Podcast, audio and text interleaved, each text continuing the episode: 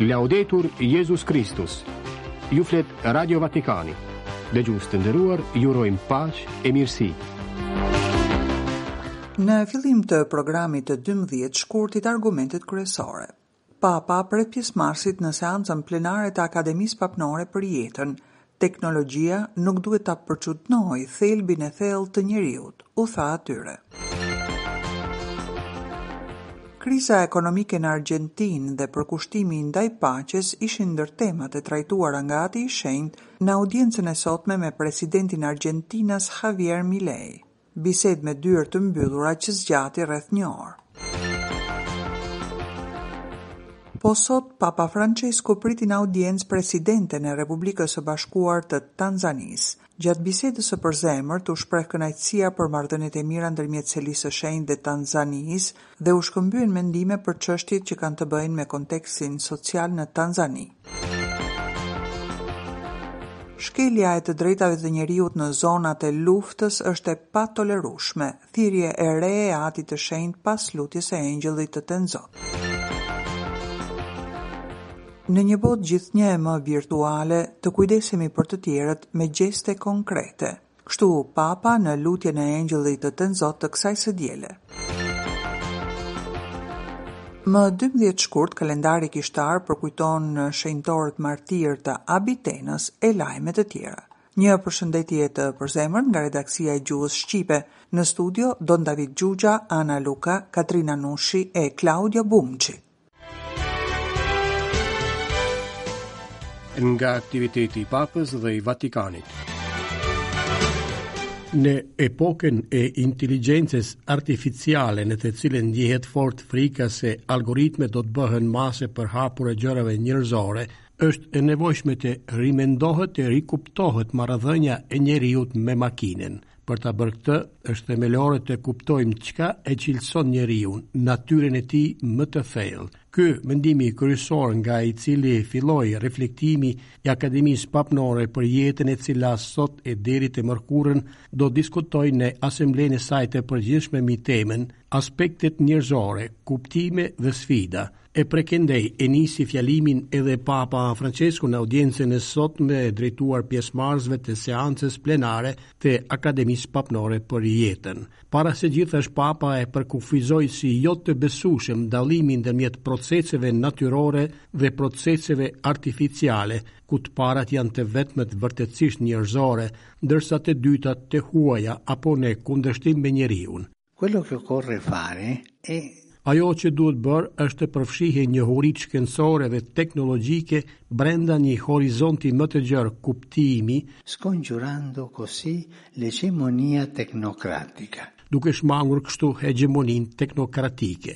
Kjo lëvizje, domethënë ky pretendim vijoi Ati i Shenjtë për të ripohuar qenien njerëzore me mjetet dhe logjikën e teknologjisë, mund të vërehet edhe në historinë e lashtë biblike të Kullës së Babelit. Esso infatti manifesta Ajo tregon përpjekjen për të korrigjuar devijimin drejt një mendimi të vetëm përmes shumëllojshmërisë së gjuhëve.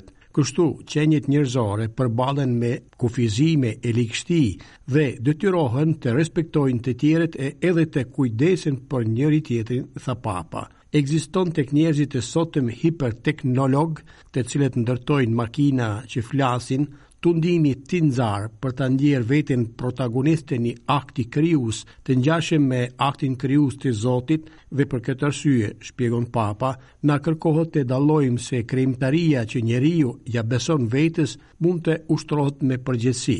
Për këtë arsye, sot është e nevojshme, vazhdoi Papa Bergoglio, të zhvillohet një kulturë e cila, duke integruar burimet e shkencës dhe teknologjisë, të jetë e aftë të njohë dhe të promovojë njeriun, veçantinë e tij të papërsëritshme. Ka dy mënyra për të vazhduar me këtë detyrë kulturore. E para bazohet në shkëmbimin transdisiplinar, laborator kulturor i përbërë nga shkëmbimi i ndërsjelltë që ripërpunon njohuritë dhe kapërcen përballjen e njohurive përmes dëgjimit të ndërsjelltë dhe reflektimit kritik. Mënyra e dytë është e dukshme, shtoi Papa, në procedurën sinodale të Akademisë Papnore për Jetën, Është stil shkencor kërkues, sepse përfshin vëmendjen dhe lirinë e shpirtit, hapjen për të ecur në shtigje të pashkelura dhe të panjohura, duke u çliruar nga çdo zmbrapsje sterile. Në përfundim të fjalimit drejtuar pjesëmarrësve të Asamblesë së Akademisë Papnore për Jetën, Papa kujtoi se krishterimi ka ofruar gjithmonë kontribute të rëndësishme, duke marrë nga çdo kulturë në të cilën ka hyrë traditat më të mira që i gjeti të shkruara dhe duke i reinterpretuar në dritën e marrëdhënies me Zotin, e cila zbulohet në Ungjill e duke përdorur burimet konceptuale gjuhësore të pranishme në kontekste individuale. Kriza ekonomike në Argjentinë dhe përkushtimi ndaj paqes janë ndër temat e trajtuara nga Papa Françesku në audiencën e sotme me presidentin argjentinas Javier Milei. Një bisedë me dyer të mbyllura që zgjati rreth një orë. Presidenti Milei u takua më pas me sekretarin e Shtetit Vatikanit, kardinalin Pietro Parolin, i shoqëruar nga imzot Paul Richard Gallagher, sekretar për marrëdhëniet me shtetet dhe organizatat ndërkombëtare. Gjatë bisedimeve të përzemërta në Sekretarinë e Shtetit Vatikanit, u nënvizuan marrëdhëniet e mira midis Selisë Shenjtë e Republikës së Argjentinës dhe dëshira për t'i forcuar më tej ato. Më pas, bisedimet u fokusuan në programin e qeverisë së re argjentinase për të luftuar krizën ekonomike në vend. Në vazhdim të bisedës u prekën edhe disa çështje të natyrës ndërkombëtare, veçanërisht konfliktet e vazhdueshme dhe përkushtimi për paqen ndërmjet kombeve.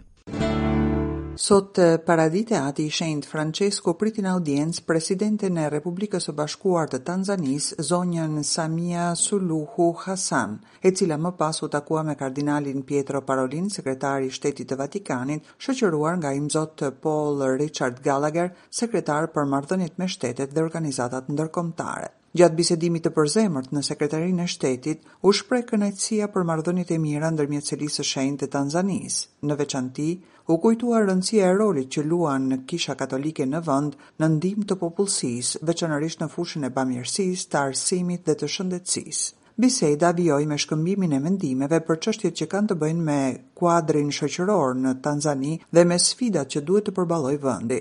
Më tej u shkëmbyen mendime për situatën rajonale dhe aktualitetin ndërkombëtar, duke shpresuar një angazhim gjithnjë e më të madh për sigurimin dhe mbrojtjen e paqes. Papa Françesku pas lutjes së djeshme të Engjëllit të Zotit, kremtuar në mesditë në sheshin e Shën Pjetrit në Vatikan, ngriti përsëri zërin duke kujtuar në ditën botërore të të sëmurëve njerëzit të shumtë të cilëvet u mohohet e drejta e mjekimit, pra e drejta e jetës,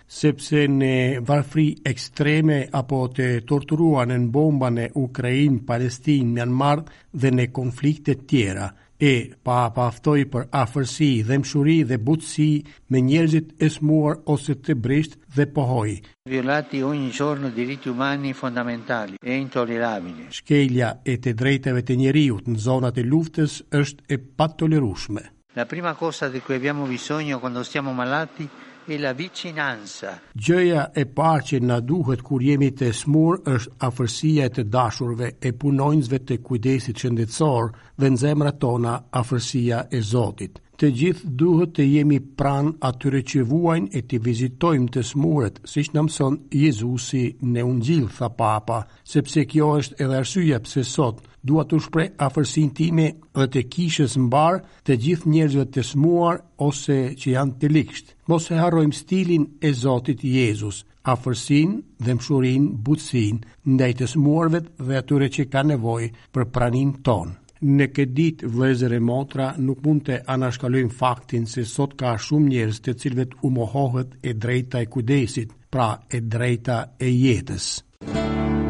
Papa Françesku kremtoi dje paradite në Bazilikën e Vatikanit Meshën me ceremoninë e shenjtërimit Maria Antonia de San Jose de Paz y Figueroa, e njohur në mbarë botën si Mama Antula, shenjtja e parë argjentinase që jetoi në shekullin e tetëmbëdhjetë. Shenjtorja e parë argjentinase që jetoi në shekullin e tetëmbëdhjetë, në kohën e dëbimit të Shoqërisë së Jezusit, përhapi praktikën e ushtrimeve shpirtërore injaciane në Buenos Aires dhe në mbarë vendin, madje edhe në etërit themelues të atdheut, të pranishëm në festë mijëra bashkatdhetarë të Papës.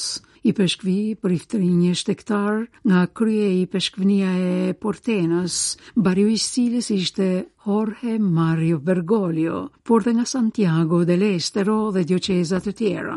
Në vend u organizuan vigjilje dhe kremtime të tjera të transmetuara me ekrane të mëdha në sheshe. I pranishëm në Bazilikë edhe presidenti Javier Milei, Pas peroratio-s lexuar nga prefekti i dikasterit për çështjet e shenjtorëve, kardinali Marcello Semeraro, papa e lartoi këtë grua të veprimit dhe të kundrimit në nderimet e altarit, mes duartrokitjeve të stuhishme të turmës. Papa Francesku kujtoi dëshminë e saj, shërbimin dhe përkushtimin ndaj të tjerëve në rrethanat e varfërisë materiale dhe morale. Cili është kundërhelmi ose më mirë ilaçi kundër lebrës, jo sëmundjes fizike që çon në shkatërrimin progresiv të trupit, kujtoi Papa në predikim, po lebrës së shpirtit e cila gangrenizon zemrën dhe godet më të ligshtit. Ati i Shenjtë vijoi të komentojë Ungjillin e Markut. fragmentin që na kujton takimin e Jezusit me një lebroz, të braktisur nga bashkëqytetarët e tij që kishin frikë se mund të infektoheshin dhe besonin se prekja e trupit të kalbur të bën të papastër. Një njeri i plagosur kohët e fundit nga largimi dhe refuzimi, të cilit Krishti i ofron prekjen e tij për ta shëruar dhe për t'i çliruar të gjithë nga një ide e shtrembëruar fetare që ngre mure e minon mëshirën. La paura, poi il pregiudizio. Frika, paragjykimi dhe feja e rreme. Ja tre shkaqet e një padrejtësie të madhe, tri lebrat e shpirtit, që i bëjnë të vuajnë të ligshtit, duke i flakur siç flaken plehrat. Mënjanimi i jetuar nga ai lebroz përsëritet dhe sot. Nuk mendojmë se këto janë thjesht gjëra të së kaluarës. Sa njerëz të vuajtur takojmë në trotuaret e qyteteve tona. E sa frikë, sa paragjykime mospërputhje, edhe në mesin e atyre që besojnë dhe deklarojnë se janë të krishterë e që kontribuojnë për t'i lënduar më tej, kujtoi Papa e shtoi. Edhe në kohën tonë ka shumë mënjanime, ka mure për t'u shembur, gërbula për t'u mjekuar. Nuk është thjesht varkë, është simbol, simbol i një jete të re në ujëra më të qeta, që lë pas urrejtjen, dhunën dhe hakmarrjen. Në ditën e fundit të udhëtimit në Sudanin e Jugut, kardinali Mikael Çerni, prefekt i dikasterit për zhvillimin e gjithanshëm njerëzor, bekoi një varkë për të gjithë emigrantët e detyruar të kalojnë Nilin. Ajo do të quhet Xhuzepina Bakita, emri i shenjtores nga Darfuri, skllave që nderohet si pajtore e të gjitha viktimave të skllavërisë së vjetër dhe të re. Karitasi lokal do ta përdorë varkën prej druri dhe hekuri për të transportuar refugjatët nga Sudani fqinj, i shkatërruar nga konflikti i dhjetë muajve të fundit, me pasojë një emergjencë humanitare të përmasave të mëdha me njëzet e pesë milionë njerëz që, sipas Kombeve të Bashkuara, kanë nevojë për ndihmë dhe mbrojtje. Varka do t'i ndihmojë njerëzit që ikin nga vendi për të kapërcyer rrugën e gjerë ujore, ku ka shumë rreziqe dhe pengesa, duke nisur nga kufiri Renk e deri në Malakal. Do të jetë varkë që do ta lërë pas stuhinë e konfliktit, të dhunës, urrejtjes dhe ankesave e do të lundrojë në ujëra më paqësore, drejt viseve ku njerëzit mund të jetojnë së bashku si vëllezër dhe motra, pohoi kardinali Czerny, pa fshehur emocionet e tij gjatë ceremonisë në portin e Xhubës. Ky ishte akti i fundit i udhëtimit që nisi më dy shkurtin e kaluar për të rikujtuar thirrjen e Papës për paqe, një vit pas shtegtimit ekumenik në këtë tokë të plagosur, krah për krah me primatin anglikan Justin Welby. Rrugëtimi i prefektit të dikasterit për zhvillimin e gjithanshëm pati disa etapa. E fundit ishte ajo e Malakalit për Meshën e Ditës Botërore kundër Trafikimit të Qenieve Njerëzore, gjatë së cilës kardinali stigmatizoi zotat a idhujt e rremë si lakmia për para dhe pushtet, pangopësia për kontroll dhe sundim, përjashtimi, pasojë e nacionalizmit fisnor që ende sot shkatërron jetët e të tjerëve, duke shkatërruar kështu edhe vetë Sudanin e Jugut. Gjithnjë në Malakal, kardinali Çerni mundi të shihte dhe të vlerësonte punën e mirëpritjes kryer nga dioqeza dhe bashkësia vendase, pavarësisht nga fakti se burimet lokale janë të kufizuara. Në Renk, më pas, kardinali vizitoi vendin e pritjes për të riatdhesuarit dhe refugjatët sudanezë. Në kryeqytetin Xhuba, ku të dielën e kaluar kryesoi një eukaristi në katedralen e Shën Terezës, kreu i dikasterit vatikanas, deshi ta vuloste këtë shtegtim në gjurmët e Papës me një gjest simbolik, shenjë e vëmendjes së madhe të Kishës ndaj emergjencave dhe shpesh tragjedive që sjell migrimi. Përpara këtij reflektimi, kardinali Czerny u ndal tek Ungjilli i Lukës i zgjedhur për këtë rast, mbi stuhinë e qetësuar nga Jezusi. Një fragment, kujtoj, që na ndihmon të vlerësojmë rëndësinë e kësaj varke, pasi mund të mendojmë se stuhia në det është simbol që të kujton konfliktet dhe vuajtjet e tmerrshme të Sudanit të Jugut. Jezusi në varkë, shtoi, e qetësoi stuhinë në mënyrë që dishepujt të arrinin shëndoshë e mirë në breg. Ky është një mesazh që na kujton se ne mund dhe duhet ta vazhdojmë misionin tonë, rrugëtimin tonë, detyrat tona.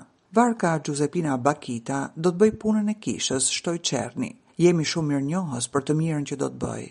E jemi mirënjohës sidomos për bekimin e Zotit që kjo varkë të mund t'i shërbejë gjithmonë qëllimit për të cilin është bërë e ribërë dhe të mund të jetë vërtetë shenjë e dashurisë së Zotit, e pranisë së Jezusit, e pranisë së Tij shëruese, e Krishtit mes nesh, që i paqëton të gjitha stuhitë të cilat na shqetësojnë në rrugën tonë. Sot 12 shkurt, kalendari kishtar përkujton shejtorët martirë t'Abitenës, Saturninin me shokët martirë, Shën Benediktin e Anianit dhe Shën Antonin i quajtur Kauleas. Ndërmjet një numri të madh martirësh që u mbytën për shkak të urrejtjes kundër fesë së krishterë, shquhen martirët e Abitenës a t'Abitinës në Tunizi.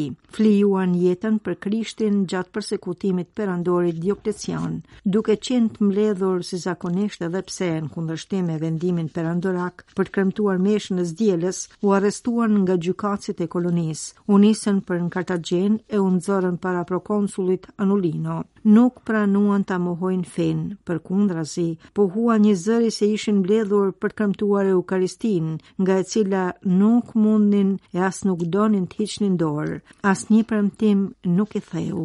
Atëherë premtimeve ua zu vendin martirizimi, gjaku.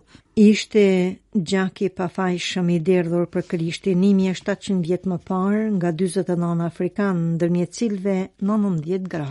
Nga aktet që përshkruajnë fundin e tyre hartuar prej autorësh jo aq të besueshëm, mësojmë se në kohën e Dioklecianit, rreth viteve 243-313 pas Krishtit, që dekretoi një nga persekutimet më të egra kundër të krishterëve, ipeshkvi Fondano i bashkësisë së Abitenës ua dorëzoi autoriteteve lokale të gjithë librat e kishës, duke iu bindur urdhrit të perandorit. Atëherë besimtarët u larguan prej bariut frikacak e nisën të mblidhen rreth priftit Saturninin, që vijonte të kremtonte meshën shejte, edhe pse ishte e ndaluar. Meshët kremtoheshin në shtëpinë e një të krishteri që quhej Felix, ose atë të lexuesit Emerit, ku nisën të mblidheshin edhe shumë besimtarë të ikur nga Kartagjena. Një të diele, ndërsa ishin shtrënguar rreth Eukaristisë, i zbuluan, e të ngarkuar me zinxhirë, i zvarritën në gjykatën e qytetit. Pohuan se ishin të krishterë, u fajësuan për mbledhje në kundërshtim me ligjet, e u nisën për në Kartagjen. Do të rigjykoheshin para prokonsullit Anulino, sepse gjykata e Abitenës nuk kishte kompetenca për të gjykuar një krim kaq të rëndë. Ishte data dymbëdhjetë shkurt e vitit treqind e katër.